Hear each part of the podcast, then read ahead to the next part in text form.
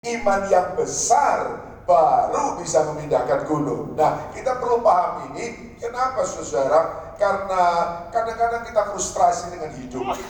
Kita berkata begini, saya sudah beriman, saya sudah percaya, kok masalah saya belum selesai, mujizat belum terjadi, berkat belum datang. Kenapa begitu? Katanya kalau punya iman, maka gunung pun akan pindah. Ini gunungnya nggak pindah-pindah, malah gunungnya tambah besar. Kenapa Tuhan tidak menggenapi janjinya? Ya, masalahnya karena iman kita tidak kita rawat. Iman kita tidak kita terus-menerus tingkatkan, berikan nutrisi-nutrisi sehingga kita bisa tumbuh. Sebab hanya iman yang besar akan bisa menyingkirkan gunung yang besar Bapak Ibu. Nah, jadi perlu buat kita saudara untuk seperti ini pada saat seperti ini kita sedang menyiram iman kita. Kita sedang memberi makan nutrisi kepada iman kita. Sehingga walaupun iman kita mulai dengan kecil saja tapi karena kita rawat iman itu akan menjadi besar.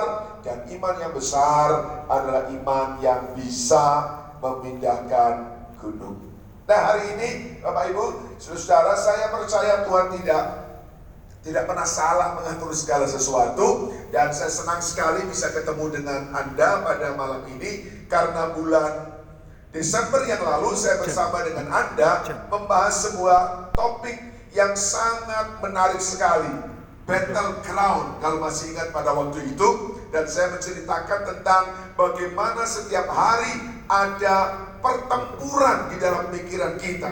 Nah hari ini sebetulnya bicara tentang millennial challenges itu juga kelanjutan atau masih sejalan dengan apa yang kita pernah bahas pada waktu itu. Battle ground karena setiap kita sehari-hari ini sedang berhadapan dengan tantangan-tantangan dalam hidup dan semua tantangan itu sebetulnya sedang menyerang pikiran kita. Nah, apa yang menjadi tantangan di dalam generasi kita, generasi milenial, generasi akhir zaman ini, saudara? Mari kita lihat sama-sama Alkitab kita. Roma pasal 12 ayat yang kedua, saya akan tetap kembali kepada ayat ini karena ayat ini adalah ayat yang sangat relevan dengan hidup kita di akhir zaman ini. Roma pasal 12 ayat yang kedua. Alkitab berkata seperti ini, saudara janganlah kamu menjadi serupa dengan dunia ini. Ada semua hafal ayat ini. Tapi coba kita cerna ulang. Kita resapi bagian demi bagian. Janganlah kamu menjadi serupa dengan dunia ini. Ayo sama-sama kita katakan. Janganlah kamu menjadi serupa dengan dunia ini. Berarti apa saudara? Pertama, berarti dunia sangat ingin, dunia sangat agresif untuk membawa kita serupa dengannya. Kalau dunia nggak punya kepentingan dengan kita, Alkitab tidak akan memberi warning kepada kita. Setuju saudara? Karena dunia punya kepentingan, punya keinginan, punya sasaran, membuat manusia menjadi serupa dengan dia, maka Alkitab mengingatkan kita bahwa itu sesuatu yang harus kita waspadai. Jadi yang pertama adalah kita harus mengerti saudara bahwa di dalam hidup kita ada pengaruh dunia yang akan membawa kita untuk serupa dengan dia. Nah nanti kita akan, saya akan terangkan apa itu dunia, apa itu serupa dan sebagainya. Nah yang kedua, yang kita harus paham adalah bahwa serupa dengan dunia itu dilarang oleh Alkitab. Makanya dibilang jangan.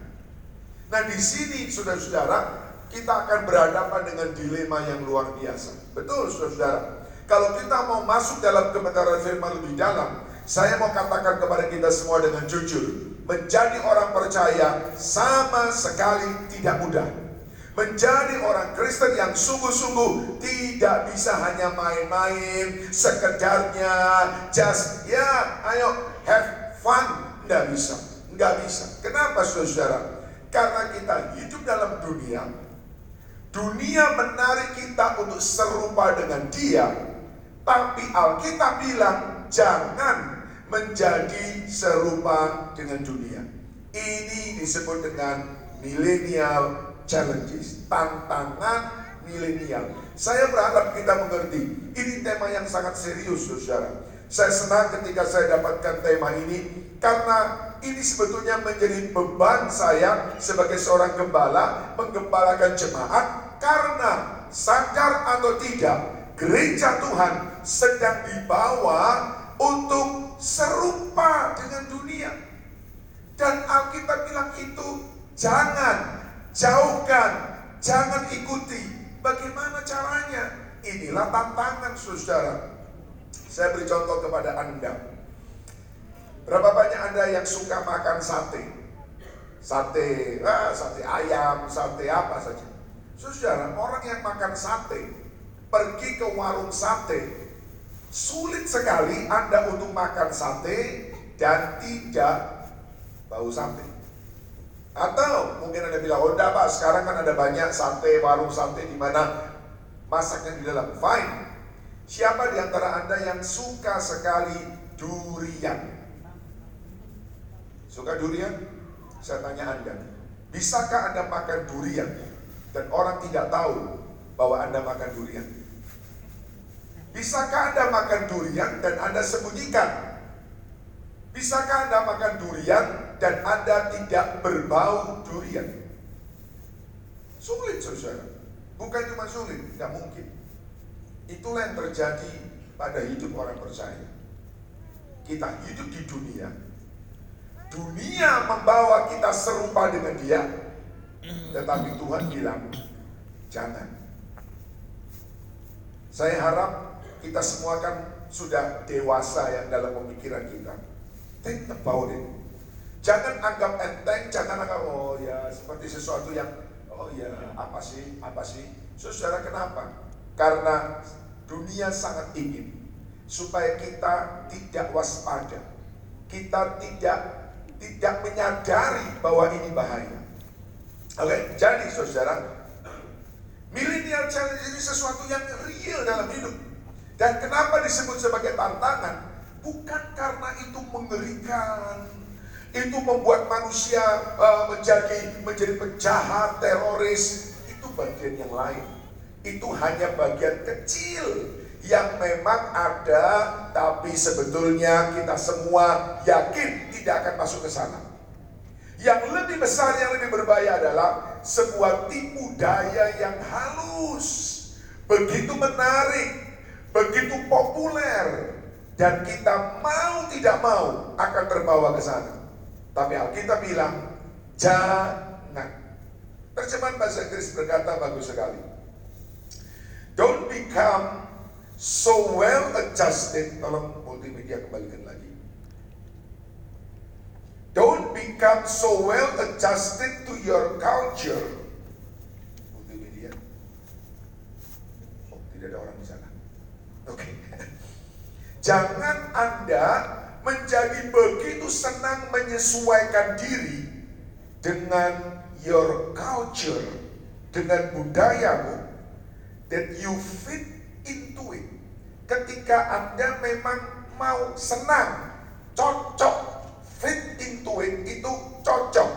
Baju Anda pakai ukurannya pas, sepatu Anda pakai ukurannya pas itu namanya the, the culture budaya dari dunia yang akan cocok dengan kita tanpa kita mikir panjang.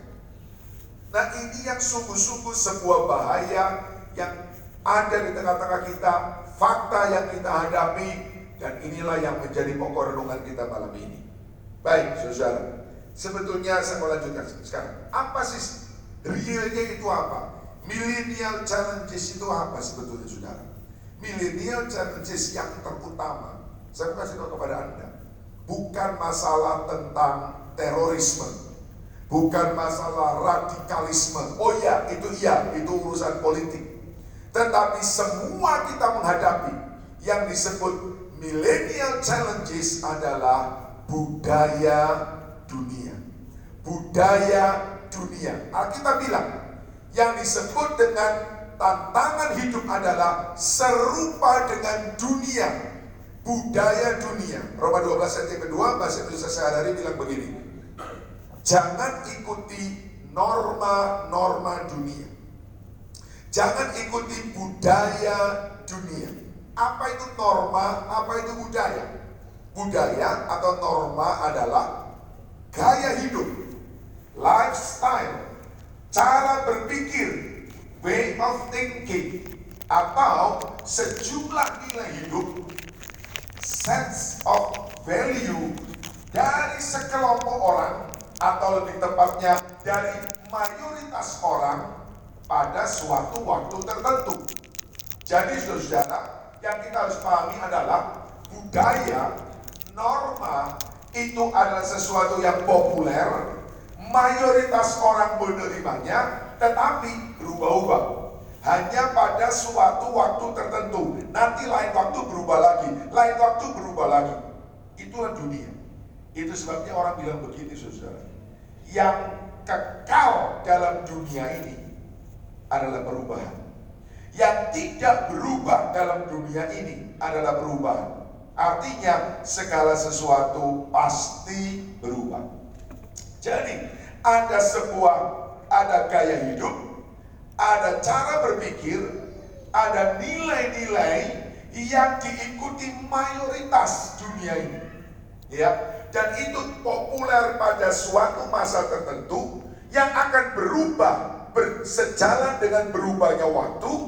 Tetapi yang Alkitab bilang orang percaya jangan ikut di dalamnya susah sekali loh saudara kalau anda mau sungguh-sungguh masuk di dalam kebenaran ini anda akan berhadapan dengan begitu banyak pertanyaan yang memang menjadi realita hidup dunia itu apa?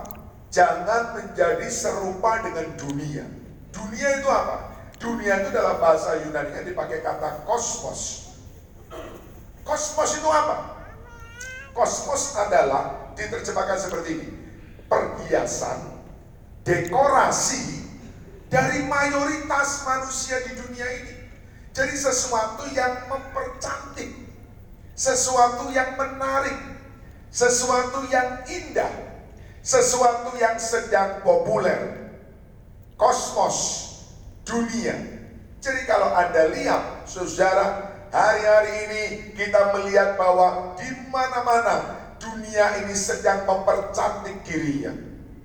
Mall, taman, makanan, minuman, segala yang sifatnya kekinian, semuanya sedang naik. Anda lihat sekarang sedang populer yang namanya kopi. Dulu orang kenal kopi itu cuma dua. Satu warkop, warung kopi, dan yang kedua adalah Starbucks. Yang satu, satu gelas harganya 3000 yang satu, satu gelas harganya 30 ribu. Tapi sekarang Anda lihat, wah begitu banyak minuman kopi di mana-mana dan saya heran dan laku semua. Muncul di sana, muncul di sana, muncul di sana dan semua laku. Dunia sedang mempercantik dirinya. Kopi sedang dipercantik supaya jadi laku. Anda yang pria, Anda coba perhatikan kan? Dulu waktu ya Anda yang seusia saya gitu ya, yang yang kira-kira sekarang sudah di kepala empat mendekati lima gitu ya saudara-saudara ya. Kita masih ingat dulu waktu kita remaja, anak-anak, kalau kita pergi, pria ya pergi potong rambut, itu ke tukang cukur, masih ingat saudara? Tukang cukur rambut. Tapi kemudian tukang cukur lenyap. Yang ada tinggal tukang cukur rambut Madura di bawah pohon, saudara. Ya, tapi Anda lihat sekarang barbershop muncul lagi di mana-mana. Begitu populer. Dunia sedang mempercantik dirinya. Saudara, apakah itu nggak boleh? Kan sekarang pertanyaan, sekarang pertanyaan, apa itu nggak boleh, Pak? Saya mau terangkan nanti kepada Anda, lalu saya beri kepada Anda alternatif-alternatif sikap kita dan kemudian silakan Anda memilihnya. Karena Alkitab bilang dengan jelas, jangan menjadi serupa dengan dunia. Baik saudara, budaya dunia ini memanifestasikan dirinya di dalam hal apa saja. Oke, sebelum saya terangkan terlebih lanjut kepada kita semua, kita harus mengerti bahwa ada satu dewa ilah yang sedang dengan begitu kuat bekerja di dunia ini untuk membawa orang serupa dengan dia, termasuk orang Kristen, termasuk gereja Tuhan. Dan, dan Yesus sendiri mengakui dia adalah ilah yang punya kekuatan yang sangat besar. Namanya apa? Mamon. Yesus bilang di dalam Matius pasal yang kelima, kamu tidak dapat mengabdi kepada Allah dan kepada Mamon. Saudara-saudara, kalau ada dua kata yang dipakai kata dan, berarti dua itu seimbang. Dua itu seimbang, makanya dipakai kata dan. Nah, apa yang Yesus mau katakan adalah bahwa kekuatan Allah dan kekuatan Mamon buat dunia ini seimbang. Sehingga tidak banyak orang yang tertarik untuk mencari Allah dengan sungguh-sungguh dan lebih senang untuk mengilahkan mamon. Bertuhankan mamon. Termasuk orang Kristen? Ya. Termasuk orang Kristen? Ya. Termasuk gereja? Ha, saya nggak mau bilang apa, tapi bisa jadi. Nah, mamon memanifestasikan dirinya bukan dalam bentuk lembar-lembar. Lembar-lembar itu hanya bentuk fisik dari mamon. Tapi mamon juga bekerja di dalam yang disebut budaya, gaya hidup, cara berpikir, nilai hidup. Dan itu yang berbahaya susah. Sebab begini, ada banyak orang lembar uangnya nggak banyak. Tetapi gaya hidupnya adalah gaya hidup yang dilahirkan yang diajarkan oleh mamon. Oh iya, saudara, orang tidak perlu kaya untuk punya gaya hidup mamon. Orang tidak perlu milioner untuk punya gaya hidup mamon. Karena itu kita lihat bersama-sama, tolong dengar baik-baik dan hati-hati dengan apa yang sedang bergerak hari ini yang menjadi millennial challenges. Yang pertama, Mamon mewujudkan dirinya dalam bentuk apa? Budaya dunia. Apa itu? Yang pertama, konsumerisme. Apa itu konsumerisme? Konsumerisme adalah suatu paham atau gaya hidup yang menganggap barang-barang mewah sebagai ukuran kebahagiaan, kesenangan, bahkan ukuran kesuksesan hidup. Jadi kesuksesan sama dengan barang-barang yang mewah, kesenangan-kesenangan. Konsumerisme, next please, bisa juga diartikan sebagai gaya hidup yang boros. Saudara-saudara, saya mau ingatkan kepada kita semua. Siapa yang suka dengan kopi-kopi milenial? Saya juga suka. Tapi sekali waktu Tuhan ingatkan saya, saudara. Karena ketika saya sedang me me me melihat, mengevaluasi catatan pengeluaran saya. By the way, saya beritahu kepada kita semua, saudara. Saya membiasakan diri di, di keluarga saya sejak saya menikah, saudara. Mencatat setiap pengeluaran. Karena mencatat setiap pengeluaran, saya tahu pengeluaran saya boros di mana. Saudara, Anda tahu pengeluaran saya pada suatu waktu bukan boros beli baju, beli sepatu, bukan. Boros karena beli kopi. Tapi saya tahu ada banyak orang tidak sadar. Walaupun boros, kenapa? Gak nyatet, saudara. Tiba-tiba uang habis, tiba-tiba akhir bulan kok minus, tiba-tiba pertengahan bulan kok saldo sudah nol. Saudara-saudara perlu mencatat dan konsumerisme adalah gaya hidup yang boros. Coba lihat hari-hari ini. Apakah di luar sana sedang begitu marah untuk membuat pemborosan? Ya, orang sudah punya handphone, ditawarkan handphone baru. Orang sudah punya motor, ditawarkan motor baru. Saudara, dengan iming-iming, dengan promosi sedang sale, sale, dengan uang muka yang sangat murah, sedang ditawarkan supaya orang berbondong-bondong memiliki pola hidup konsumtif. Saudara-saudara, ini sebuah dilema.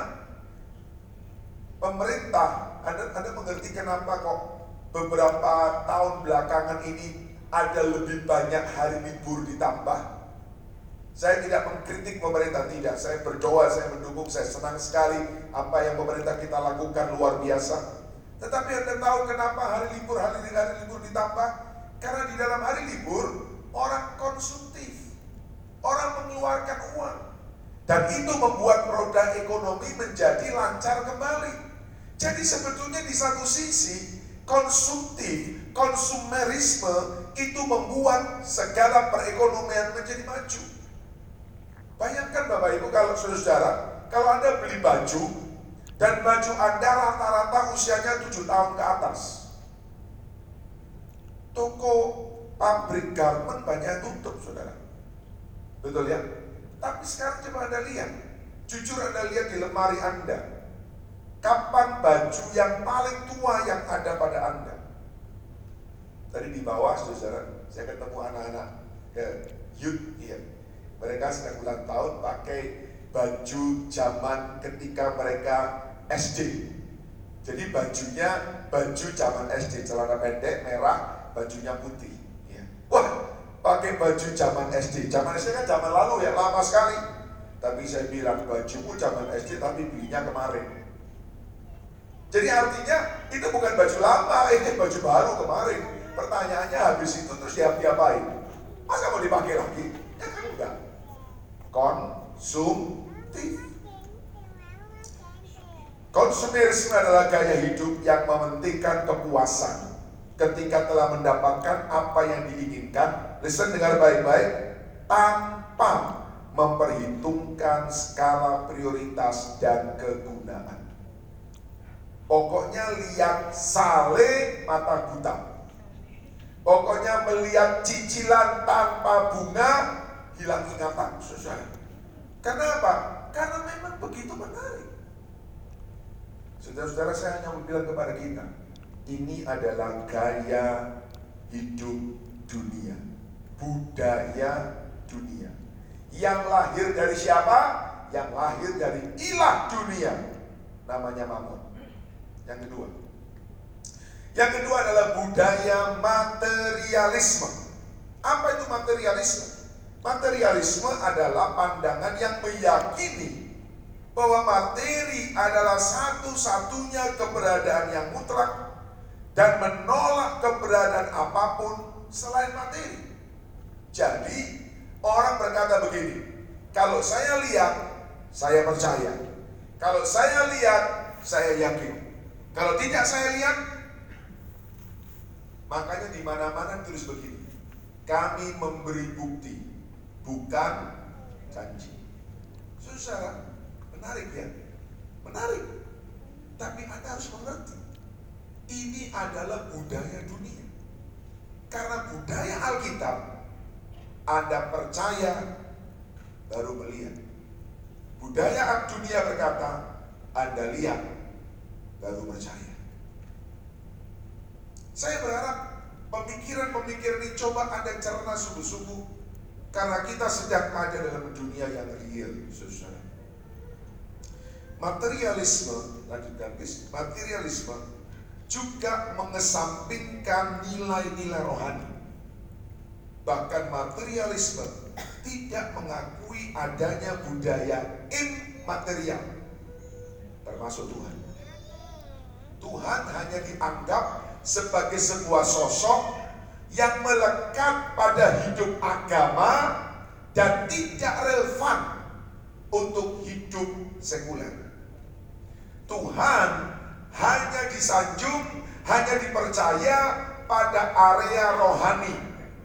Dan Tuhan tidak cocok, tidak relevan untuk hidup sekuler. Bisnis, oh nggak bisa. Hidup sehari-hari, oh tidak bisa. Hidup hubungan antar sesama, oh tidak bisa. Gereja, yes. Di gereja Tuhan diutamakan. Dalam hidup sehari-hari, tidak cocok, tidak relevan. Itu namanya budaya materialisme. Saudara, saya bilang kepada kita semua, mungkin kita berkata enggak kok Pak, tapi jujur saya harus berkata kepada kita semua, berapa banyak di antara kita ketika kita masuk dalam dunia nyata, masuk dalam marketplace, masuk ke dalam dunia pemerintahan politik, itu hal yang sesungguhnya sangat nyata terjadi. Dan saya bilang bahwa itu lahir dari ilah zaman ini, namanya Mamun. Satu lagi, susah. Yang ketiga, namanya budaya hedonisme. Apa itu hedonisme? Hedonisme adalah pandangan hidup yang menganggap bahwa orang akan mencari bahagia, orang akan menjadi bahagia dengan mencari kebahagiaan. Jadi bahagia itu didapat dengan sebuah kebahagiaan yang sebanyak-banyaknya. Kenyamanan, hedon, yang sebanyak-banyaknya dan sedapat mungkin menghindari perasaan yang menyakitkan atau painful.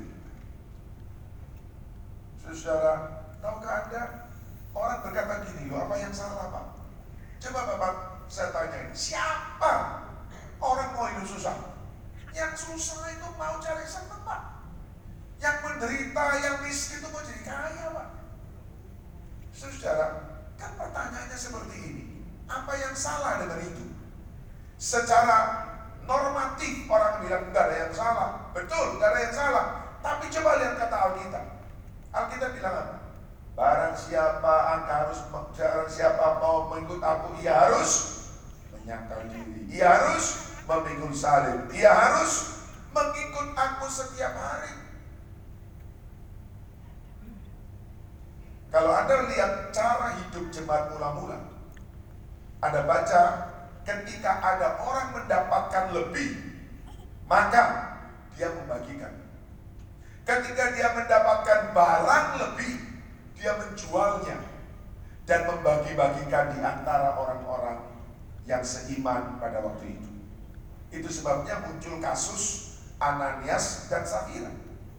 Ketika dia jual tanahnya, dan kemudian dibagi-bagi, ternyata mereka tidak jujur. Coba Anda bayangkan betul. Apa salahnya Ananias sama Safira? Ini orang zaman sekarang super rohani yang yang dia punya menjadi miliknya dijual untuk dibagi-bagikan, dibawa ke kaki rasul. Bukannya dapat berkat, dapat kutuk mati, saudara-saudara. Saya hanya berpikir begini, kalau kejadian pada waktu itu terjadi sekarang, saya kok merasa ada banyak orang meninggalkan iman Kristen. Saya kok merasa akan terjadi kegoncangan besar di antara orang Kristen. Orang yang berkata, apa salahnya Ananias dengan Safira? Ini orang dekat malaikat, dekat surga. Hak miliknya dijual, diberikan kepada rasul-rasul untuk dibagi-bagi kepada orang miskin. Bukannya dapat apresiasi, mati. Sementara zaman sekarang, orang cari hidup yang nyaman, hidup yang nikmat. Namanya menderita, waduh, amin, amin. Jangan sampai terjadi. Makanya kalau Anda pergi ke mana-mana, Anda naik pesawat, Anda nginep di hotel, Anda nggak akan pernah ketemu tempat nomor empat. Kenapa?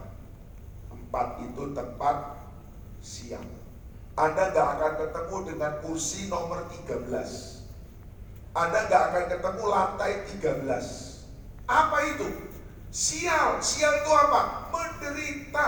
Sial itu apa? Miskin. Sial itu apa? Sengsara. No, no, no. Saya kok kan Anda bingung. Anda bilang begini, ini pendeta ngomong apa sih? Pak Hendy cari pendeta apa gak ada yang lain gitu. Tapi saya cerita pada Anda. Alkitab mengajarkan apa, dunia mengajarkan apa. Itu sebabnya tema hari ini memang sangat dahsyat. millennial challenges. Saudara, saya merasa Anda mungkin bertanya, loh Pak, apa salahnya dengan konsumerisme, materialisme, dan hedonisme? Di mana salahnya? Saya beritahu kepada Anda, bahaya yang harus kita waspadai. Coba lihat, next please. Bahaya yang harus kita ah, sungguh-sungguh pahami adalah begini. Oh sorry sorry, satu bagian dulu saya lupa. Oke, okay. mana dari Indonesia? Oke, okay. Hedonisme merupakan ajaran atau pandangan bahwa kesenangan dan kenikmatan merupakan tujuan hidup. Tujuan hidup. Makan harus enak, tidur harus nyenyak, kursi harus empuk, AC harus dingin, air harus mengalir, mobil harus ya saya nggak mau bilang mewah tapi mobil harus nyaman kalau itu tidak ada kita akan protes kalau itu tidak ada kita akan marah saudara mari kita ingat baik-baik di satu sisi kita berkata apa salahnya dengan itu tapi di siang lain saya mau bilang itu sebetulnya adalah faham hedonisme oke lanjutkan sekarang Waktu saya habis saudara. Apa bahayanya sih? Next please. Ketika paham itu membuat manusia memiliki sikap hidup yang merendahkan nilai-nilai rohani. Jadi ketika dibilang rohani, kita bilang begini, yang saya cari berkat, yang saya cari bukti. Itu sebabnya saudara Ya saya harus dengan sedih berkata bahwa orang-orang yang menyampaikan khotbah, pengajaran atau gereja-gereja yang mengalir kepada hidup makmur, sukses, melimpah-limpah sangat laku. Saya bersyukur Betani di bawah Tuhan untuk mulai menjauh dari prinsip-prinsip itu. Dan saya bersyukur bahwa kebenaran yang balance mulai disampaikan dengan lebih jelas. Karena bahaya dari budaya dunia akan membuat orang mengesampingkan nilai rohani dan mengesampingkan agama, bukan membuang agama. Kita tidak bisa membuang agama, saudara. Indonesia tidak menerima ateisme. Tapi kita mengesampingkan, artinya mengesampingkan adalah begini. Kalau butuh kita pakai, kalau nggak butuh kita singkirin. Agama atau keyakinan kita pada Yesus kan nggak bisa begitu kan saudara. Kalau saya berdoa Yesus jawab, ya saya percaya. Kalau saya berdoa Yesus tidak jawab, ya mungkin saya bisa ikut menjadi anggota keraton agung sejagat. yang menjanjikan akan mendapatkan gaji dalam bentuk dolar. Loh saudara, mohon maaf ya, mohon maaf. Kalau itu kan itu kan di luar sana ya. Tapi kalau ada gereja yang menjanjikan seperti mereka, jujur, laku nggak saudara? Kalau ada gereja yang berkata seperti ini, Anda beri, Anda akan terima dolar. Laku nggak saudara? Bisa laku. Kok diem aja sih? Banyak pengikutnya kan? Saya tanya lebih lanjut, jangan marah ya. Anda ikut ya? Millennial challenge saudara. Orang hanya berpikir pragmatis. Aku ikut Tuhan. Untuk apa? Aku ikut Yesus, benefitku apa? Aku datang ke gereja, yang aku dapat apa?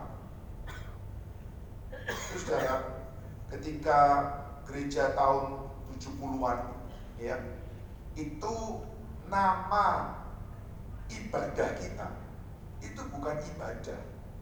Itu barusan saja berubah. Zaman dulu namanya bukan ibadah. Namanya kebaktian kebaktian satu, kebaktian dua, kebaktian umum satu, kebaktian anak, kebaktian namanya. Kebaktian itu asal kata bakti. Berbakti. Sekarang diubah. Ibadah tambahi raya. Konsepnya berubah. Saya tidak menyalahkan, saya juga memakai nama ibadah raya. Tapi saya mau bilang kepada kita bahwa harus ada sebuah pengertian yang mendalam apa makna ibadah. Karena sering kali karena ibadah raya, maka ibadah raya itu bertujuan perayaan, maka orang datang dalam ibadah sama dengan orang datang dalam perayaan. Orang datang dalam perayaan ngapain? Menerima Orang datang dalam perayaan ngapain? Menerima.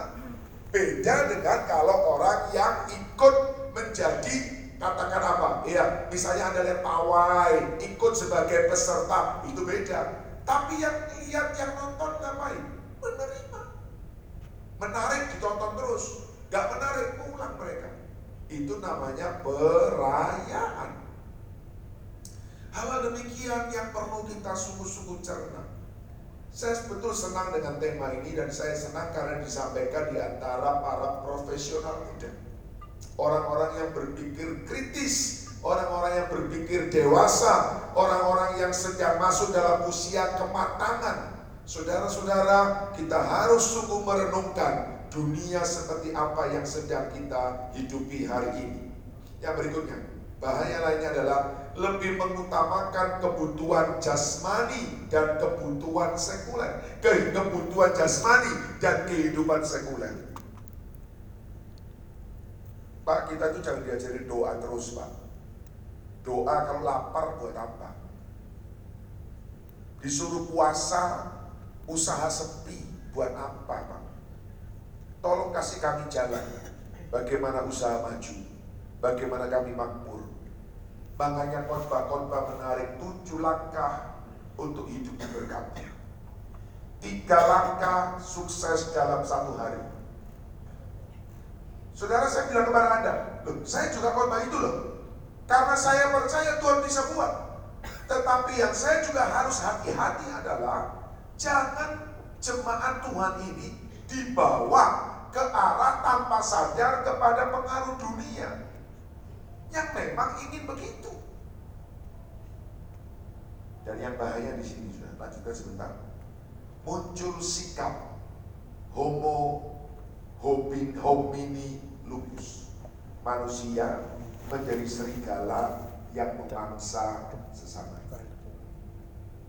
Makanya bahkan di komsel, tadi di jalan saya ngobrol, di komsel, orang tidak segan-segan menipu sesama teman komsel. Orang tidak segan-segan buat join kalau sudah hit and run.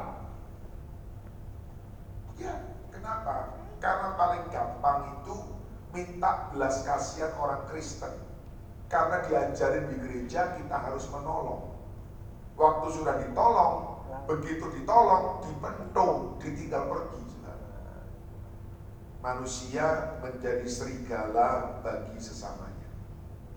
Manusia menjadi serakah yang membenarkan segala cara demi memperoleh materi. Dan bahaya berikutnya adalah kasih menjadi sirna. Next please. Kasih menjadi sirna dari kehidupan manusia.